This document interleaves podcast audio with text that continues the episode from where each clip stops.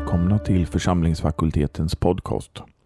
Jag heter Kristoffer Helle och jag hoppas att ni har haft en riktigt bra sommar och då att sommaren inte är riktigt slut ännu.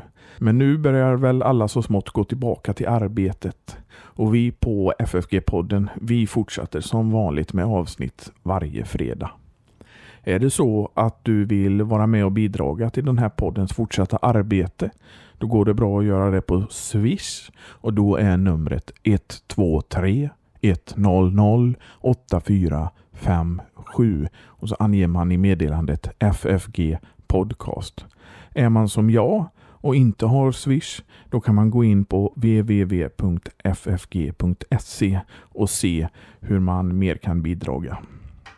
Idag så ska vi få, få lyssna än en gång till Dr. John Nordling från eh, Concordia Seminary i Fort Wayne, USA, när han föreläser om Ancient Slavery versus Modern Slavery. God lyssning.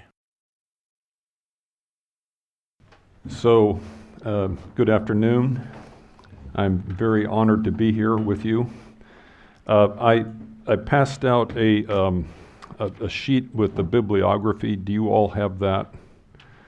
Um, this is an incredibly arrogant thing to do, to share, you know, your own work in such a manner. But I need all the help I can get. so, um, actually, it does pertain to this lecture. Uh, this lecture, Ancient Slavery versus Modern Slavery, came out of a paper that was published back in 2009, A More Positive View of Slavery establishing servile identity in the Christian assemblies that was in Bulletin for Biblical Research. So, um, so that's where a lot of the thinking comes from. So let's get started. Um, when modern people think of slavery, they usually think of slavery in these terms. Um, racist institution, uh, black people enslaved to white masters, and horrific with beating and whipping. This man has been beaten. This is from the 19th century. I don't know anything more about the slide than this, but this is someone that was beaten uh, mercilessly by a master in the American South. I know that much about it. That's, that's the that's the, uh, the image that comes to mind when modern people hear that word slave. Um, and this kind of is the same thing captured Africans bound for the slave market.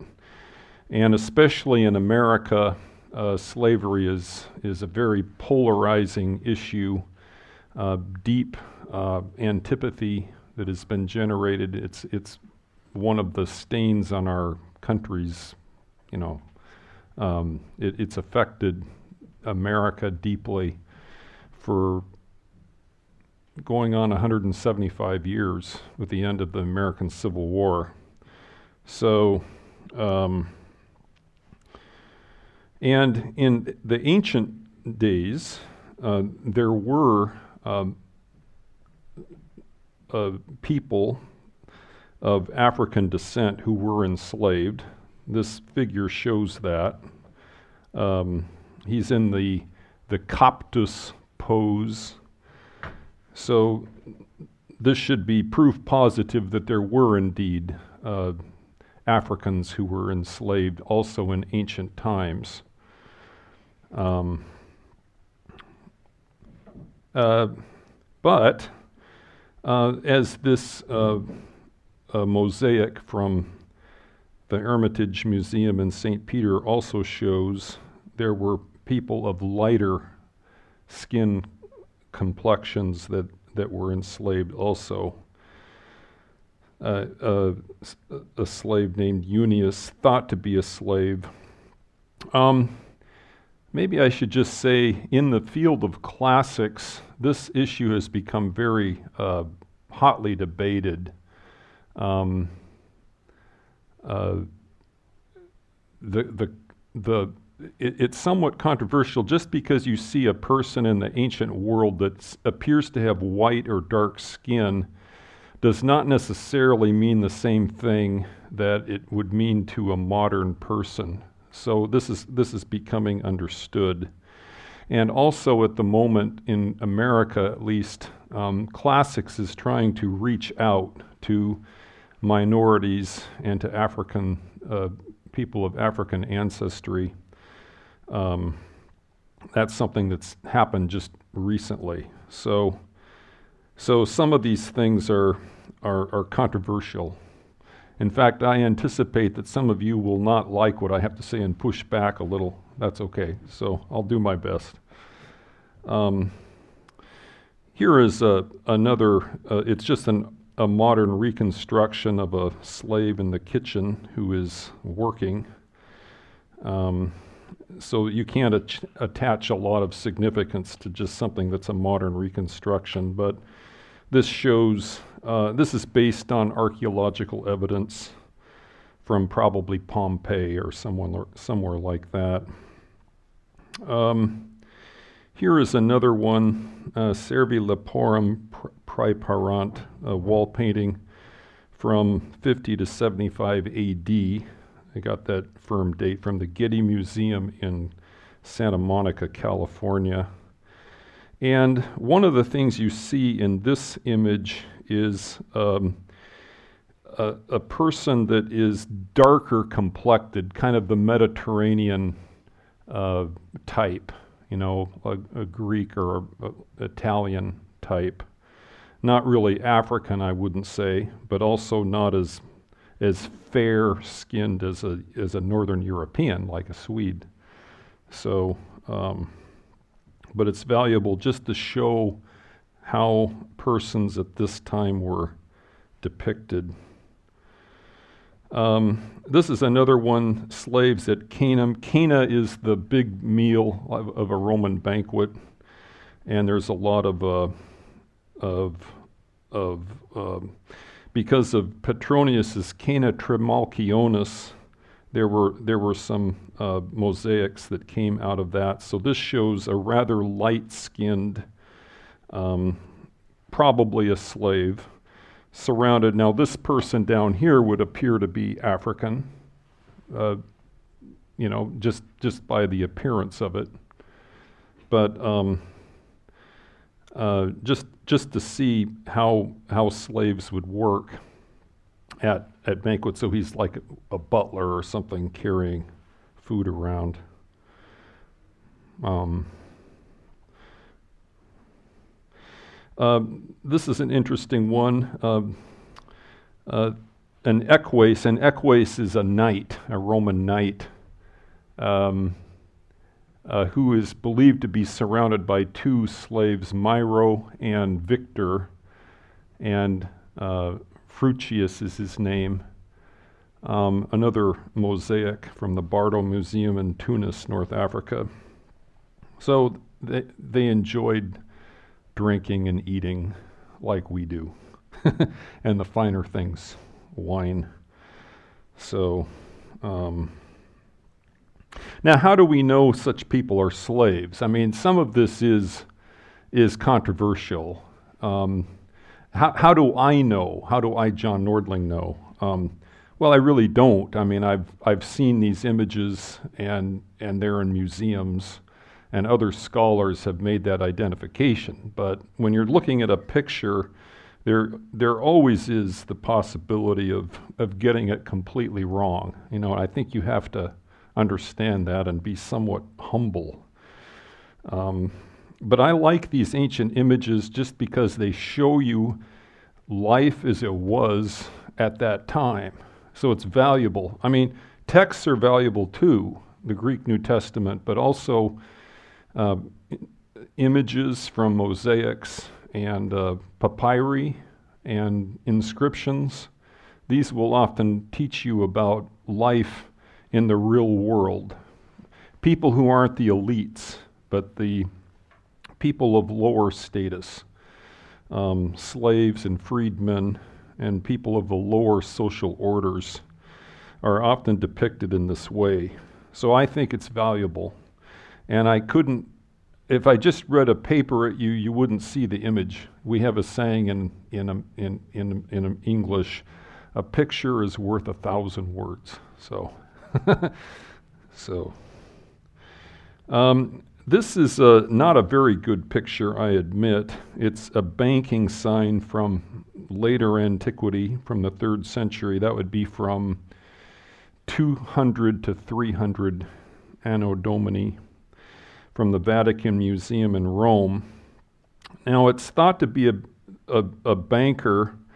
Um, this area right here is thought to be money, coin of some type. And then this person is, is minding the bank, and it's blurry. I had to blow this up. Um, uh, one of the things, though, that when you look at that is uh, who is the slave here? Is it the person behind the counter? Is that the slave? Or might the slave be the one talking to the person behind the counter? It's somewhat ambiguous. But we know from the evidence that um, many times uh, wealthy Roman patrons would trust slaves and people of lower st- status to take care of the money. So we have a saying in English filthy lucre, lucre money, lucrum from uh, lucrum wealth. So it's filthy. Money is dirty. So I don't want, I'm rich enough, I don't have to worry about money. I'll let my slave pay it. One of the things in Texas, Texas the United States, the quintessential American state. So in Texas, you have wealthy millionaires who supposedly sign the check with an X because they don't know how to read or write. Okay, that's, that's, that's a stereotype of Texas. But you have something similar in uh, the Roman world. Um, where you would have uh, a, a, slave, a trustworthy slave, handle the master's money. So um, the, the sign then shows you some of this ambiguity. Um, this, this is the type of, of service that I think modern people would associate with being an ancient slave, you know, hefting around a, a, a Roman litter, a lectica. Um, and we know from uh, Juvenal and authors like that, Juvenal was an ancient satirist, that they would have pairs of slaves, Cappadocians or Macedonian slaves. There'd be six of them that would carry the master around in a lectica, and they'd all have the same outfit, the same attire, the same size, you know, that's, that's what they did. And, and it was nice service because all you had to do was, was carry the master or mistress around the city, and then the rest of the time was yours to do what you want. Okay, that's, that, that's how it was. So when you were a, a, a wealthy man uh, in Rome, one sign of your wealth was to have lots of slaves, slaves that did many different types of, of tasks. So the, the Lectica carrier, there'd be three on each side, six of them in toto that would carry this around. Uh, here's another one Slaves attend to Mistress, a grave relief from the Vatican Museum. So, Mistress, Magistra, is right here, and she's being attended to by her female slaves. Um, this is from a grave drawing, and it's how she wanted to be remembered in her death. So this shows a, a, tranquil scene. She's on good terms with her slaves, and she has many ladies in in in in in, in her retinue that would take care of her, and they all did different things: mascara and curling the hair, and you know rouge all the kind of things that women like to do still today.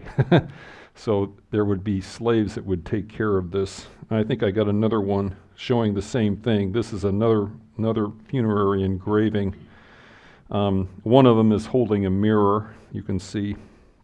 But probably these images, the faces would have been veristic. This, this would have been what they looked like, actually. And, um, and so they're, in, in a, when, you, when you look at a, a, a grave monument, that's how they're going to be remembered. That's, that's how their memory is perpetuated. Pagans don't believe in everlasting life like Christians do. So the way that you are remembered is through your deeds or your how you're depicted. And that's what it's all about. If you're if uh, the worst thing is oblivion, just ceasing to exist. So that's what these images do and why they were constructed. Now, this is a different type of evidence. This is a manuscript from Terence's Adelphi, and it shows the leading dramatis personae. So here is Aeschines, the, the youth, right here. And this is Ctesiphon, another character. This is Syrus Servus, Syrus the slave. And look at his, his mouthpiece. Okay, and this is an, another one. I can't read that there. But um, uh, if you've ever read uh, Plautus, if you've heard of Plautus, who is one of the early Roman, that's like the earliest Latin that we have, is Plautine comedies. And they often feature a lovelorn young man like this, Adolescens, who's trying to uh, have a love affair with a courtesan. And so he, he spends all his patrimony on her, and then a servus callidus, a clever slave like this, will come and save the day. There's a movie uh, in, in, America, a funny thing happened on the way to the uh, way to the forum. I think that's what it is. And it's, it's based on these uh, Plautine servi callidi, these clever slaves. So that's what that's what uh, um, uh, is. Syrus means the Syrian slave. So he hails from Syria. Now, so if you if you can remember the, the I don't know if you can see that, but look at the the mask there. And then the next series of slides I have kind of show the same pose.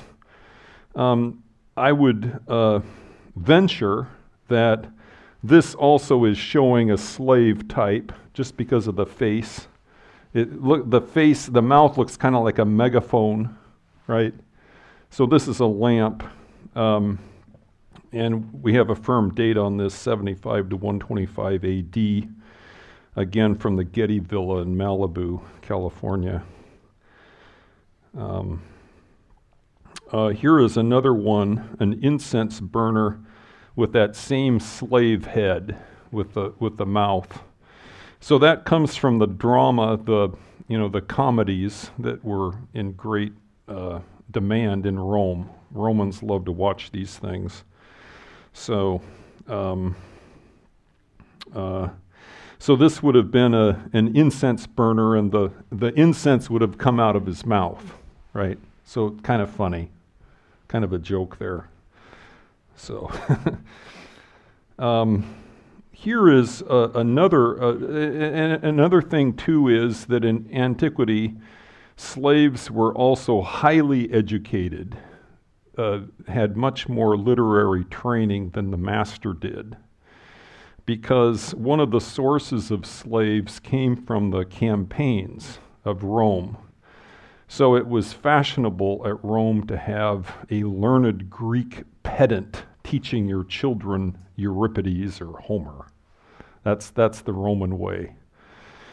And so in this, um, in this relief, we see uh, a master magister who may or may not be a slave. I admit it's, it's ambiguous, but he could, he could be a slave teaching uh, young men, adolescentes, and they know how to read because of this scroll here. And then a, another student comes in late, and he's saying, Salve, Magister. okay, so he's coming in late. Uh, something else uh, in, in the ancient world, the, the professor always sat when he was teaching, and students usually stood. So if it were that way, I would be sitting and you'd all be standing. That's the ancient way. Um, But in this one, the students are seated, which shows, and they, are, they, all, they also are literate. They know their letters. They're at a high level of, of education. Um, so, uh, but the way he, he is with the beard, uh, that just screams he's Greek. He's a Greek professor. So, th- this is something else here. Marcus Metius Epaphroditus now, you probably can't see this very well. Marcus Metius Epaphroditus, Grammaticus Graecus, so a Greek grammar teacher. And then I can't make this out either because it's kind of wrecked. Uh, Marcus Metius Germanus, that means, Germanus means sharing the same womb, okay? Uh, fecit, fake it, made it. Okay, so it's talking about who made the monument. Now, again, was um, this person a slave? Uh, you can't prove it one way or the other. There's nothing that really proves it conclusively, but he may have well been um, a slave because some of the people that were manumitted acquired their freedom by dint of their years of service, and slaves were often able to keep some of their earnings. That's called a peculium. And if they saved that up, they could purchase their own freedom if they wanted to. Not all slaves wanted their own freedom. And then become a freedman, freedwoman. Okay, and that's a libertus in Latin and an eleutherus in Greek. Okay, so uh, this language is actually in Paul's letter to the Romans, but um, but it, this is a replica from the Museum of Roman Civilization in Rome. How many? This is interesting. How many of you have been to Rome? Okay, so lots of you from from Europe, you're closer. In America, very few people have been to Rome. So I just was interested. Um, okay, so this is from my article, and it's hard to hard to hard to read here. This is from the abstract. Um, recent scholarship calls attention to violence, sexual exploitation, and other indignities experienced by slaves. For most slaves in the Christian assemblies, however, the abuses associated with slavery were not an issue and so slavery functioned as the place where countless servile believers demonstrated their faith in Christ by serving the neighbor. So the argument would be that ancient biblical New Testament slavery was, was less severe, more benign than typical slavery outside of the Christian assemblies. I think that would be my argument.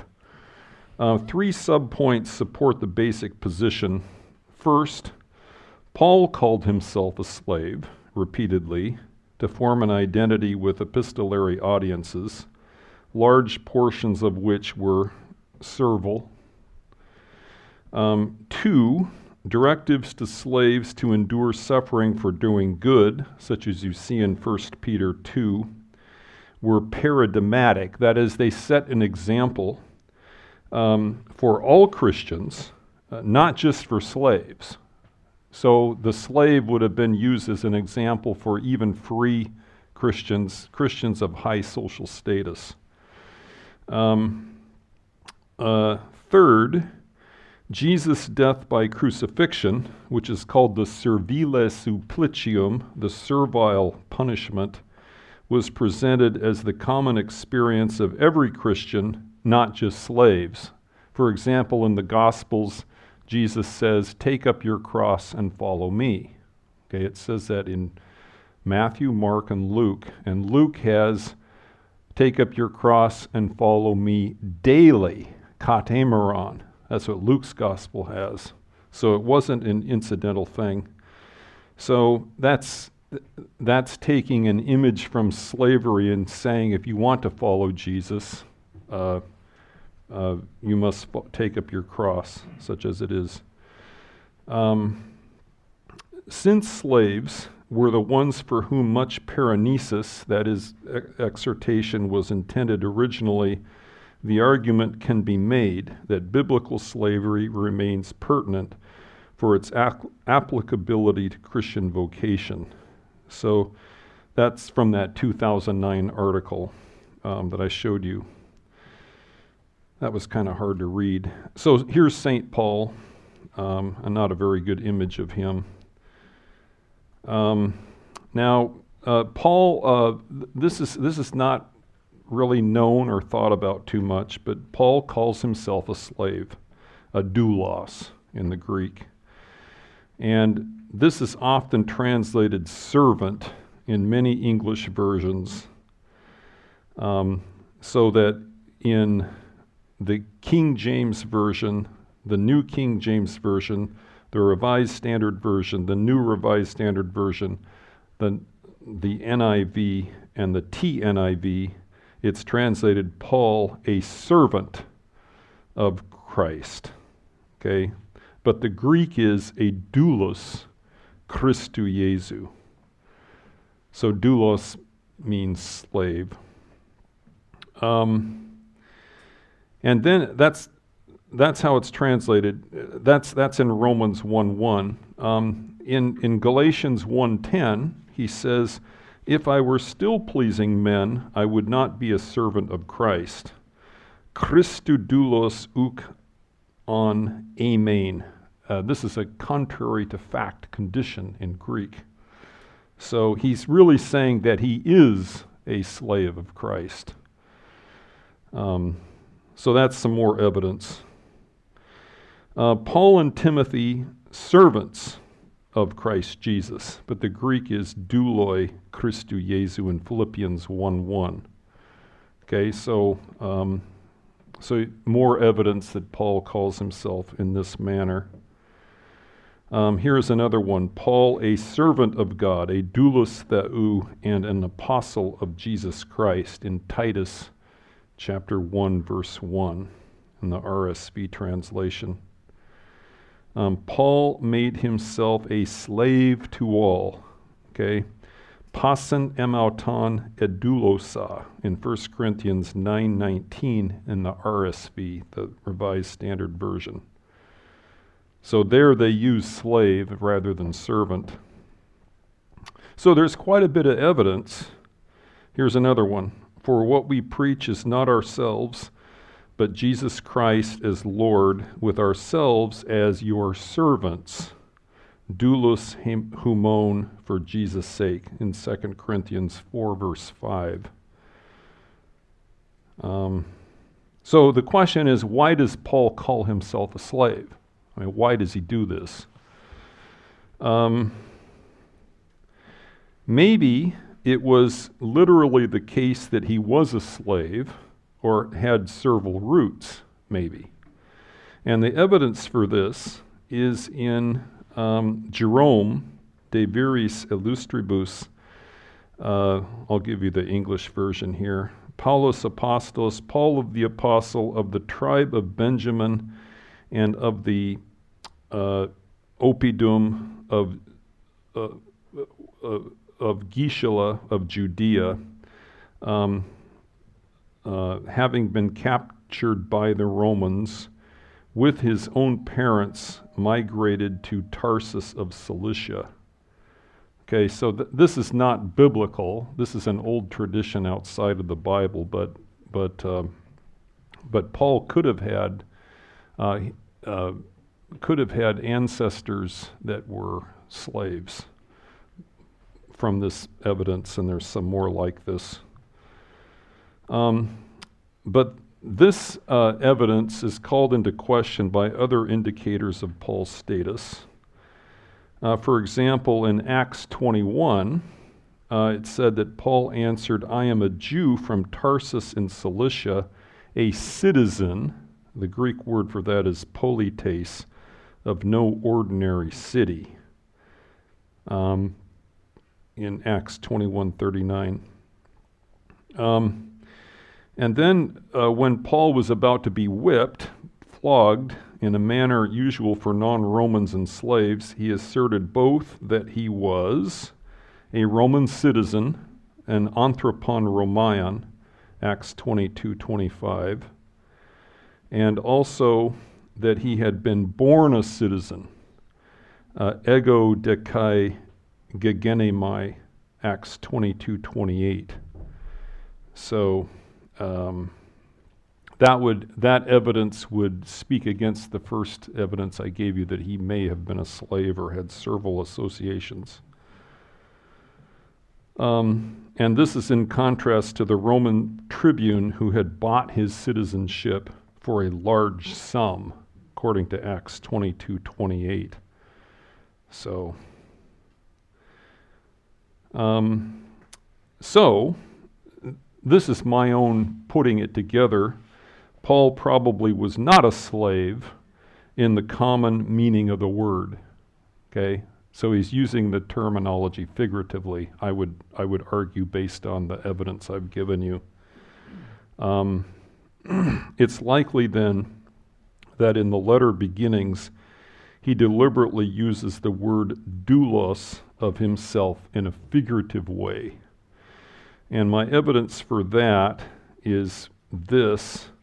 This is from uh, C.E.B. Cranfield's Romans commentary who writes The term doulos expresses the total belongingness, total allegiance, correlative to the abs- absolute ownership and authority denoted by kyrios. Kyrios means master or lord, used of Christ.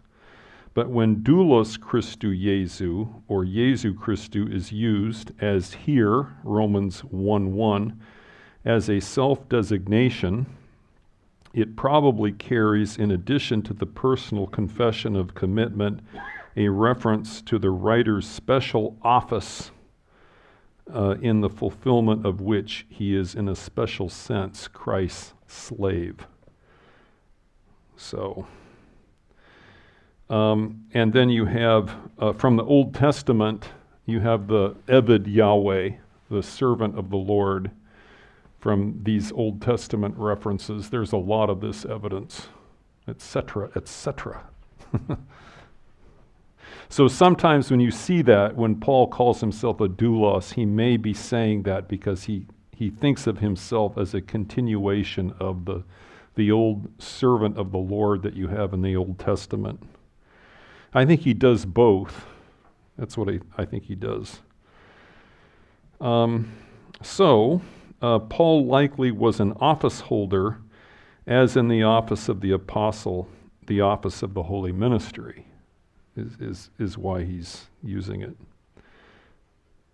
Uh, might there be another possibility, namely that Paul used the word doulos to form an identity, an identity with his epistolary audiences? And I think that many of the epistolary audiences were comprised of slaves. I think they were. Or they were people that were uh, descendants of slaves. Their parents had been manumitted from slavery. Or a grandparent or a distant ancestor. There's been some studies on this, even in uh, secular Roman circumstances. Many of the, even the great families in Rome came from servile roots over time. So this is increasingly being recognized now. Um, so Paul says, uh, Paul, a servant, a doulos of Jesus Christ, called to be an apostle, kletos apostolos, set apart for the gospel of God, aphorismenos eis euangelion theou. So, so he puts doulos at the same level as apostolos. Okay? In Romans 1 1. So um, he, he's not only speaking for himself, but he's, he, he, he drops this to establish a relationship with the congregation, I would argue. Um, now, this is, this is an article by M.J. Brown who wrote, The composition of the Roman congregation must have been such that the phrase, uh, doulos Christou Jesu, would have been meaningful to them as a way of analog- analogically elucidating, that's kind of high, high language, Paul's self understanding as an apostle. In short, given the statement in Philippians 4:22, which are greetings to all the saints, especially to those who belong to Caesar's household, and the greetings found at the end of Romans, it appears reasonable to deduce that members of the imperial household formed part of the Roman congregation. So Paul writes uh, the letter of Romans to Christians at Rome. Paul probably hasn't been there yet when he writes the letter but he's right he's pitching the letter at many different uh, roman christians who are whose names are mentioned in romans chapter 16 there's a lot of names there.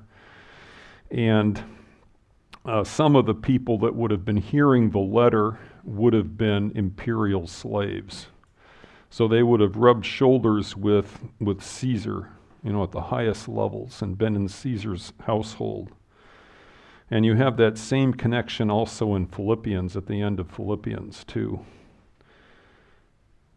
Um, what type of slaves constituted the familia Caesaris, the slave family of Caesar, to whom Paul directed Romans then?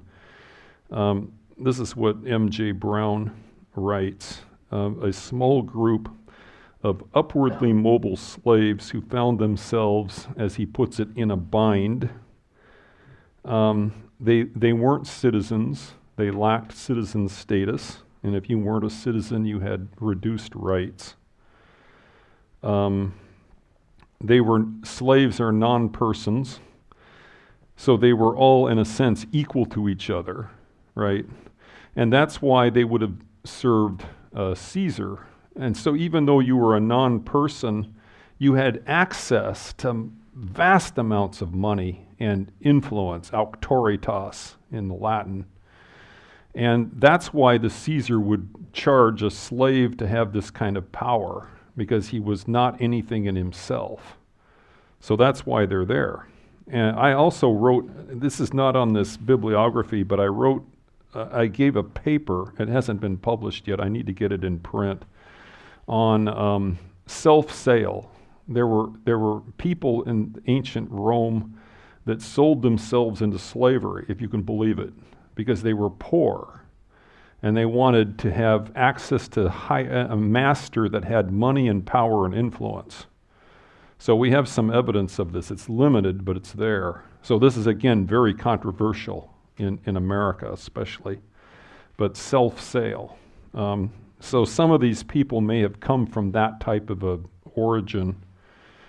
Um, so they lack citizen status. They, as non persons, they were all equal to one another. Um, they could amass wealth and power, um, and they did.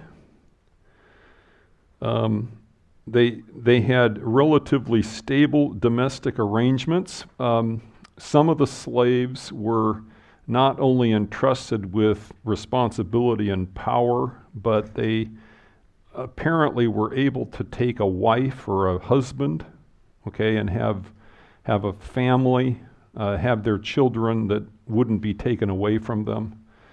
That that was one of the perks, one of the rewards that happened. Uh, we know from other sources. You had to be pretty high as a slave. So all slaves are really not equal. There are good slaves and good good servitudes and not so good servitudes. Kind of like today, you have good jobs and jobs that aren't so good, that aren't as high paying. So it was somewhat similar in that respect, I would argue. Um, they had direct access to the em- imperator, the emperor, which is the greatest power on earth. Um, obviously, they could worship as Christians. They were permitted to worship as Christians. And that's one of the reasons why Paul would write a letter uh, like Romans. He's writing to the church there, and he's also writing to slaves to encourage them, I would argue, that they be faithful in their, in their vocations. Um, yet, uh, despite all of these things, Um, they experience status inconsistency, that's what Brown calls it, and frust- frustration. Um, the higher an imperial slave climbed in the administrative hierarchy, the more he was held in contempt by aristocrats.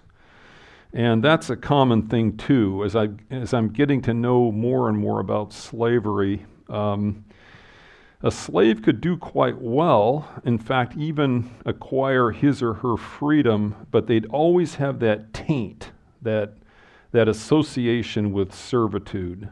So the, the Roman blue bloods, the high class people who were very proud of their ancestry and their pedigree, would look down their nose at the nouveau riche, right? That would happen. So um, uh, there would be that there would be that taint. By referring to himself as a slave, in Romans 1 1, Paul formed a bridge, I would argue, between himself and many enslaved persons in Rome, the evidence of which is perceptible still in the following passages. So there's a lot of evidence in, Rome, in Romans that he was writing to uh, servile audiences. For example, he says that we should no longer be slaves to sin, to make it douleuein amos te hamartia Romans 6 6. Now, I know most modern people, when they see this, they just say, well, Paul is being, um, he's being figurative. He's just using, you know, figurative language. But I would argue there's more to it than that. The original audience would have had slave members. Um, here's another one. Don't you know that when you offer yourselves to someone to obey him as slaves, doulos, you are slaves, douloi este, to the one whom you obey, whether you are slaves to sin, which leads to death, or slaves to obedience, which leads to righteousness. Romans 6 16. Okay. Um, here's another one. Um, but thanks be to God that though you used to be slaves to sin, eta douloi tes hamartias. And here, Paul is personifying s- sin. Uh, I tell my students this is like lady sin, mistress sin. It's a feminine uh, noun in Greek. So, uh, lady sin. Thanks be to God that you used to be slaves to lady sin. You wholeheartedly obeyed the form of teaching to which you were entrusted. That's uh, an interesting text because it shows you that some of the Romans that received Paul's letter had been catechized in this way. They were committed to a form of instruction. Romans 6, 6, 6 17. Um, so they might not have had any choice. Uh, if they're in the master's house and the master is a Christian, they would have been forcibly catechized. Okay, that's how it was in, in those days. When you were a slave, you, you followed the, the religion of your master or mistress. There was no free choice in the matter.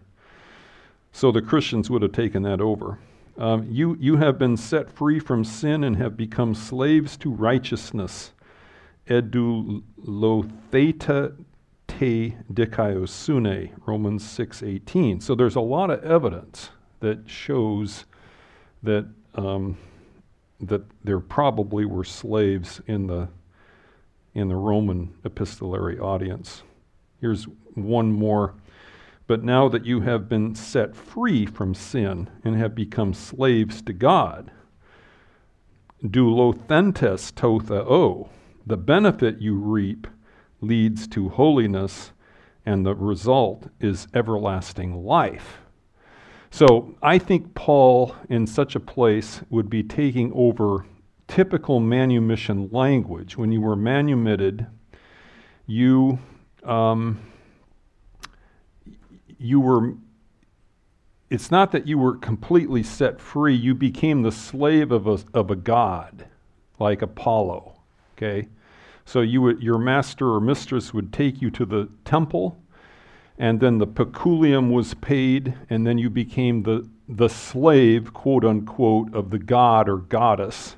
But, uh, but you became free, okay? And so when Paul is talking about slaves of Christ, he's talking about people who have been paid for by the blood of Christ, by his atoning sacrifice. That's the payment.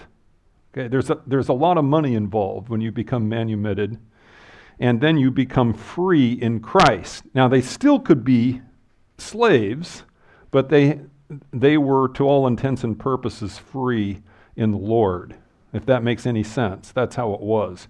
And that's why I think Christianity grew, because Paul is, is pitching his arguments to people who were slaves in the original situation. He's, he's definitely catering to them. And he got a lot of people into the church that way. Um, for, for still more evidence of this type, see these passages. So there's a lot more than I'm not giving you. How much time? Okay, five minutes. I think I can get it done. Uh, the same identity device is at work in other passages where Paul refers to himself as a slave. Uh, the self designation must indicate, at the very least, that Paul cared about the slaves as Christians. He cared about them, and slaves were suffering people, and Paul wants to improve their lot in life. Um, he possibly conceived of Christianity itself as something that was uniquely intended for slaves. We should expect then that Paul would present in his letters issues that had an immediate uh, interest to slaves, um, issues that had an appeal to others recently manumitted, freedmen and freedwomen those of lower social status, people that were descended of slaves. Okay, so the progression assumed in ancient society, and this is somewhat controversial, was first slave, slavery, then you would be manumitted and graduated to freed status, a libertus. Then you, uh, so you were a libertus or a liberta, uh, then you would enjoy greater levels of wealth. You could keep your wealth for yourself and not have it taken away from the master. Um, familial pedigree, um, influence, the Romans called this auctoritas, and then one's coming into one's own in successive uh, generations. So there was such a thing as upward social mobility, but it was much slower especially when measured against modern social mobilities. Um, let's see, I want to get to the, no, virtually no one had it all wealth, pedigree, freedom. Uh, okay, let me just skim over this. I want to get to the end. Um, yep, that's basically it. Thank you. Tack för att du har lyssnat på församlingsfakultetens podcast. And a big thank you to Dr. John Nordling for participating in an interview and giving two lectures while you were visiting us. Hope to see you back here soon. Vill du vara med och bidra till den här poddens arbete? Ja, då går det bra att göra det på Swish och då är nummer 123 100 8457 och eh, märk då FFG Podcast i meddelandet. Och nu när höstterminen är på intågande så är det också så att kvällsbibelskolan startar igen. Vill du vara med på den så går det bra att anmäla sig på www.ffg.se.